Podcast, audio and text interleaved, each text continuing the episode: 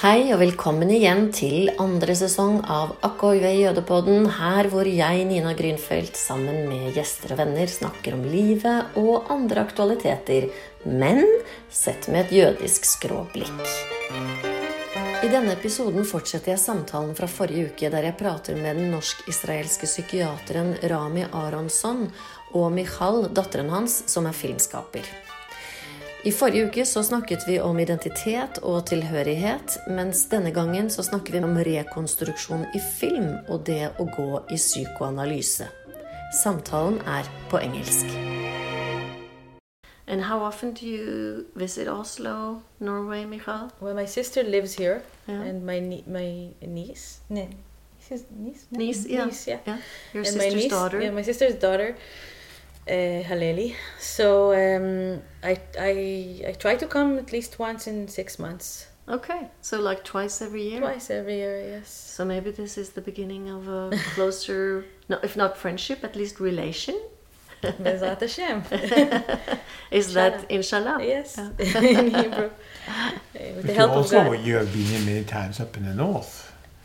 Yes. When you were a child, we Yes, used to come yes. up. I went up to work as kommunelegevikar uh, in different areas in the north, and you used to come and bring some friend from your Mhm, It was a summer camp for, for summer me. camp.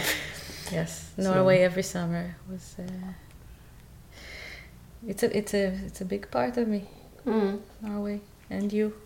But it, the reason why you have this close relation to the northern part is because you used to work there. So you have family I got- friends, or No, it, yes, it started by me being deported, exiled to Harstad as a turnuskandidat. I've never been north of Trondheim.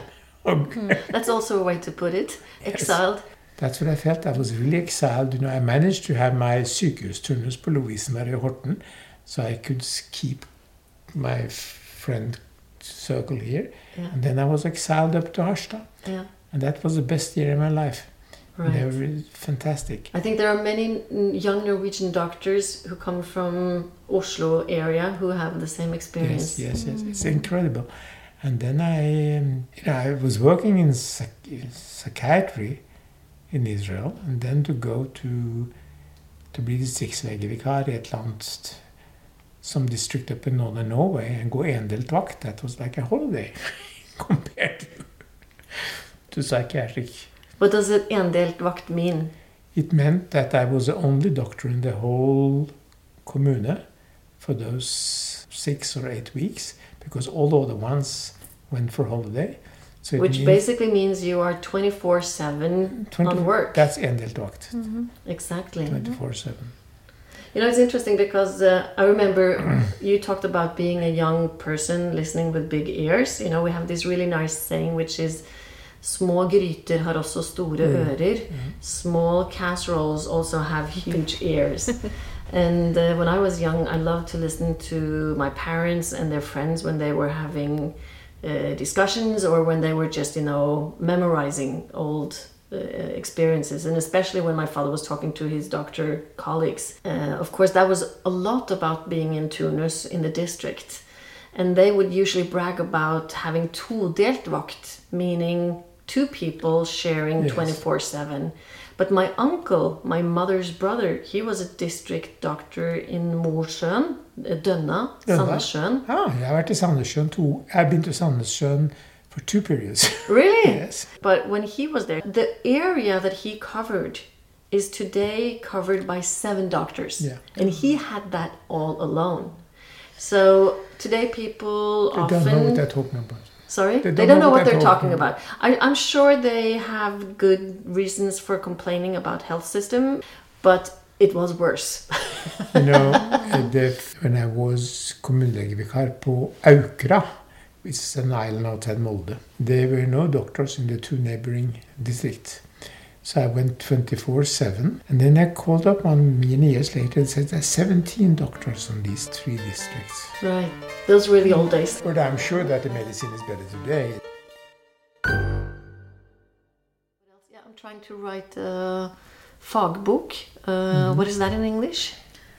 Professional uh, literature. professional Oh. literature It is. about reconstruction in documentaries. Interesting. That Yeah. is, uh, Wow. I'm interested in how you reconstruct emotions in pictures, just like abstract pictures. Mm. And they've actually come very far within true crime genres. If you see, like, I mean, there's so much bad true crime, but good true crime are really, really good at making these kind of just emotional, uh, associative pictures. Because often they lack audiovisual material right? They have some documents they have some a lot of, uh, of talking heads interviews but there's not really emotions into that. So you have to be very creative. So i find that very interesting. It is very interesting. If it's, I think it, it could be more poetic. I mean, it's a skill to make to be able to make it more poetic, but it's Mhm. possible because it deals with strong emotions and. but then there's always this discussion about the ethic. How far can you go in reconstructing things without losing the documentary?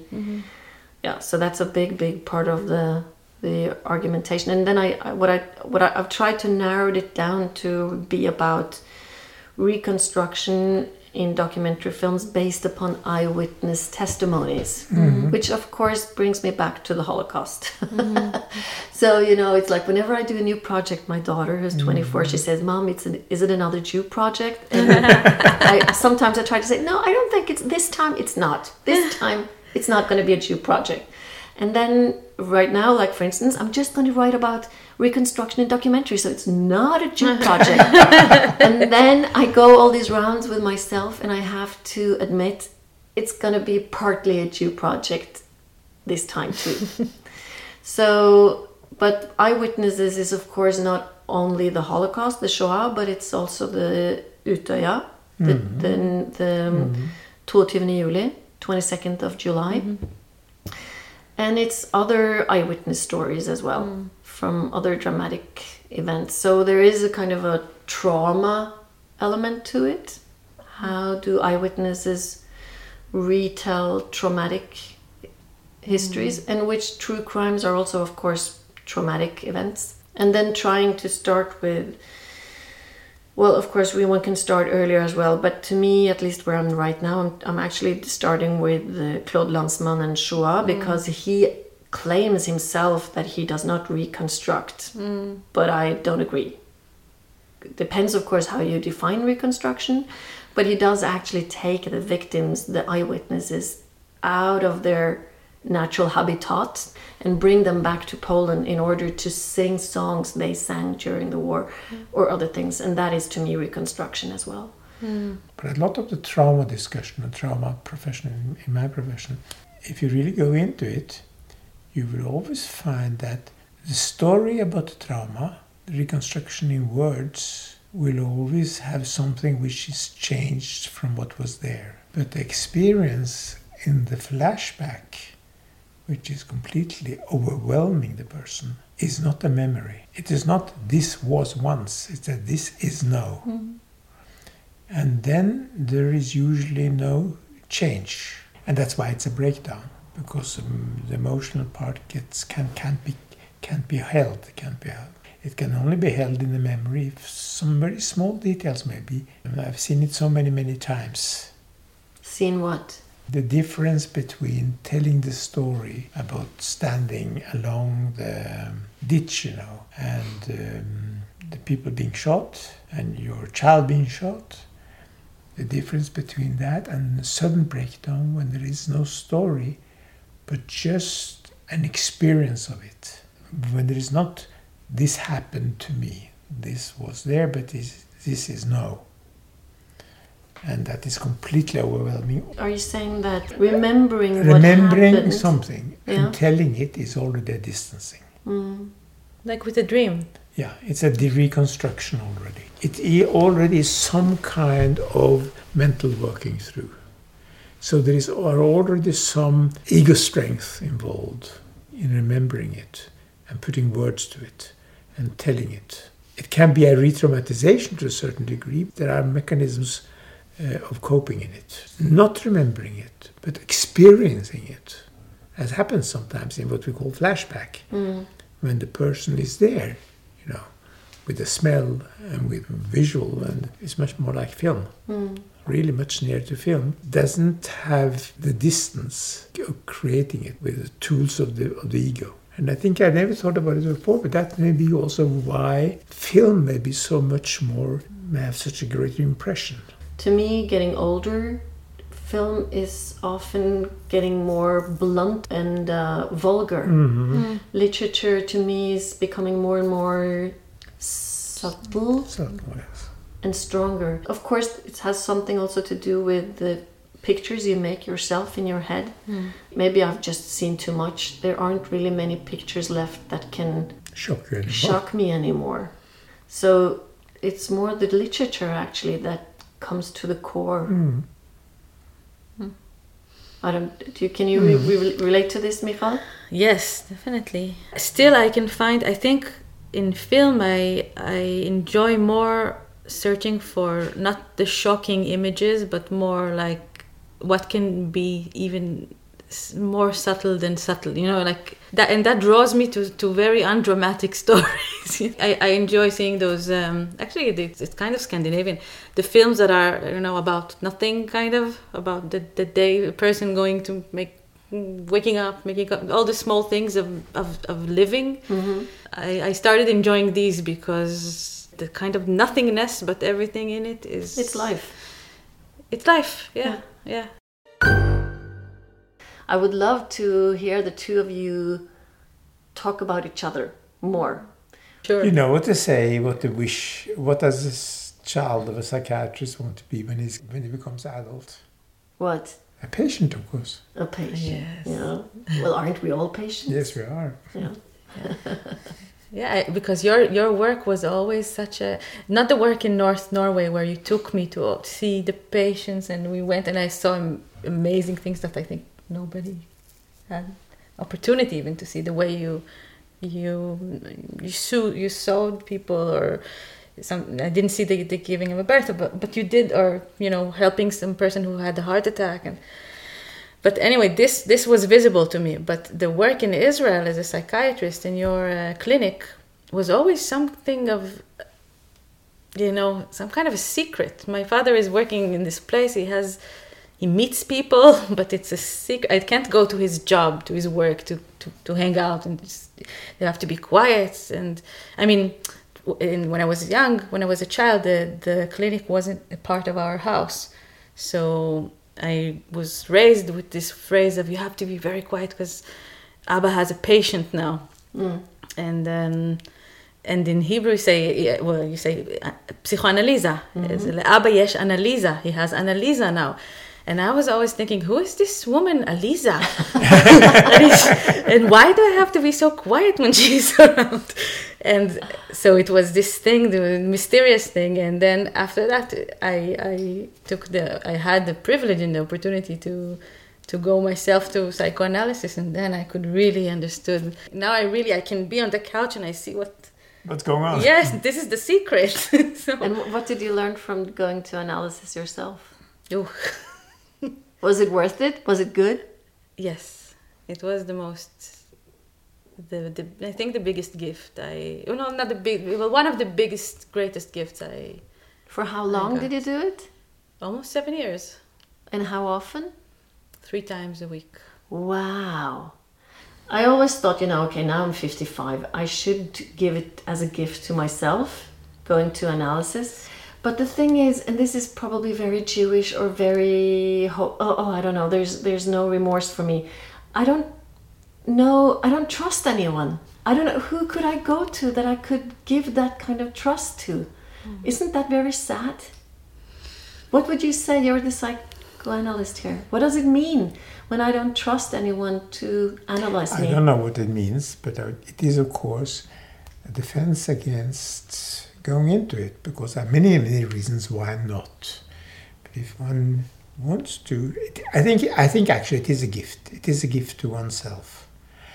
And it's also one of the more important ways of taking oneself, taking one oneself seriously, of, of giving oneself the time and the space and a cost to just to, to, take one seriously or to take oneself so not seriously that everything is can be said Mm. but of course this feeling that who can i go to that is a part of the defense that is a part of of you know the, it's like i have no time and so whatever um, and I think that would be the first thing one would maybe have to talk about. That I don't really know if I can feel that I can do this with you because I, I, I, I, I don't know if I can trust you. And, and, and you know, and so let me hear more about it. Will you talk, say more about it?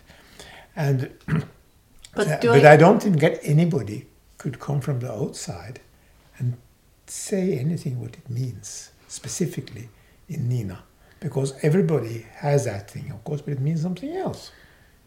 But But- Nina, would you would you let someone else make a film about you, be a director and and portray you?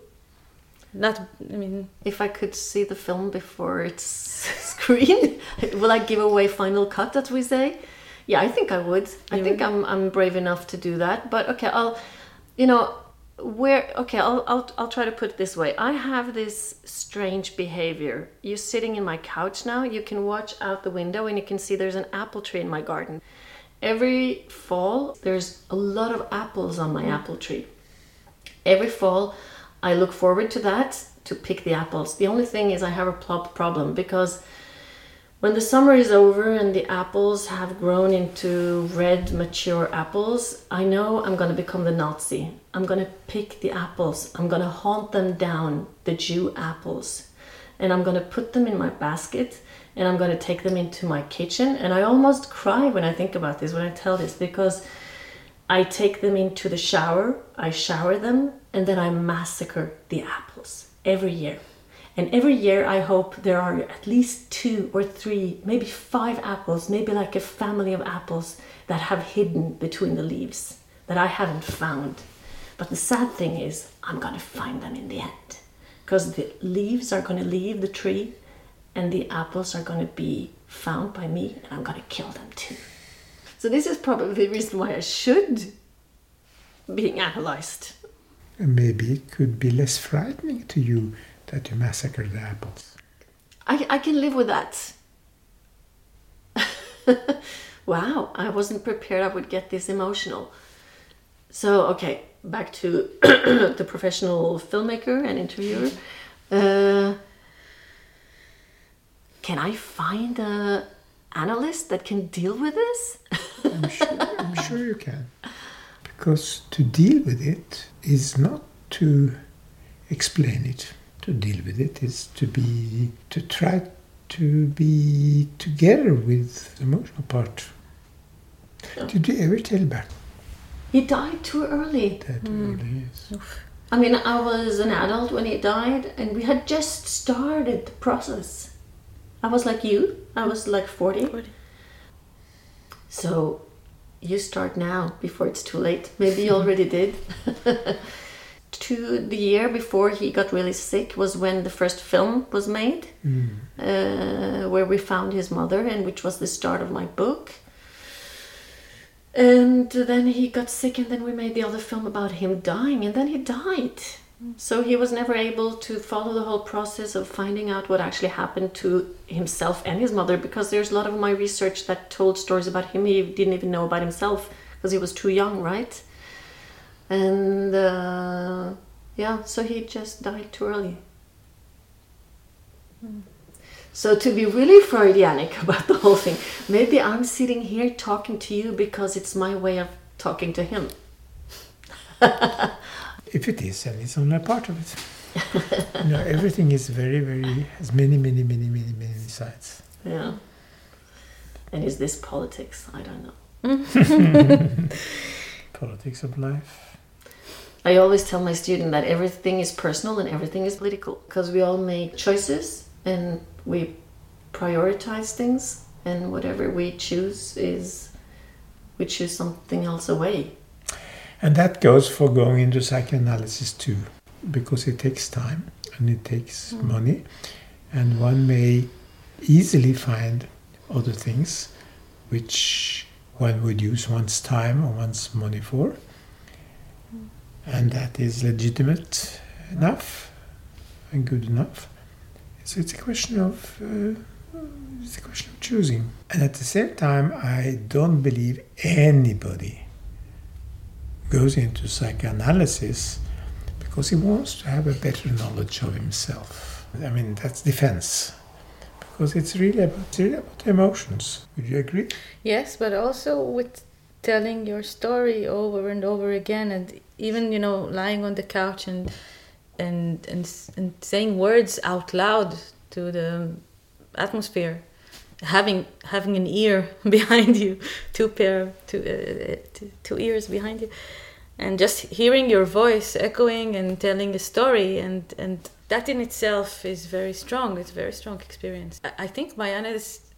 I mean, her work was not to say so much. You know, they, it was very little that she she said in words, but it it's those connections that she made between all those uh, ways of different narratives that I brought in, and uh, and just listening to them, even even yeah, yeah, just listening to myself out loud. That was. So, how did you choose your analyst? he chose her for you. My father. I, didn't, I didn't know. No, no, no. You get, you gave me. I well, I asked you if, if you could No, recommend I- I me. didn't- she's living in Tel Aviv. Yeah, I, li- I, I moved to Tel Aviv. I was 28. I had moved to Tel Aviv in, in the middle of film school. And film school is something that, you know, raises up a lot of uh, stories and emotions.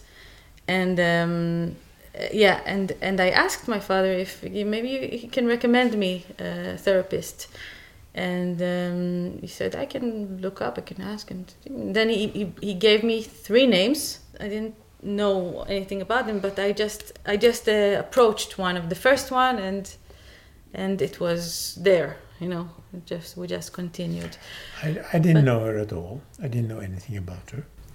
So, because I didn't really know too much about the people in Tel Aviv, I asked a colleague of mine in Jerusalem, who I trust, and I said, "Would you have, would you know somebody from your more or less age group?" She's much younger than me, "Yeah, because I'm looking for somebody for my daughter in Tel Aviv. And she Mm. gave me two names.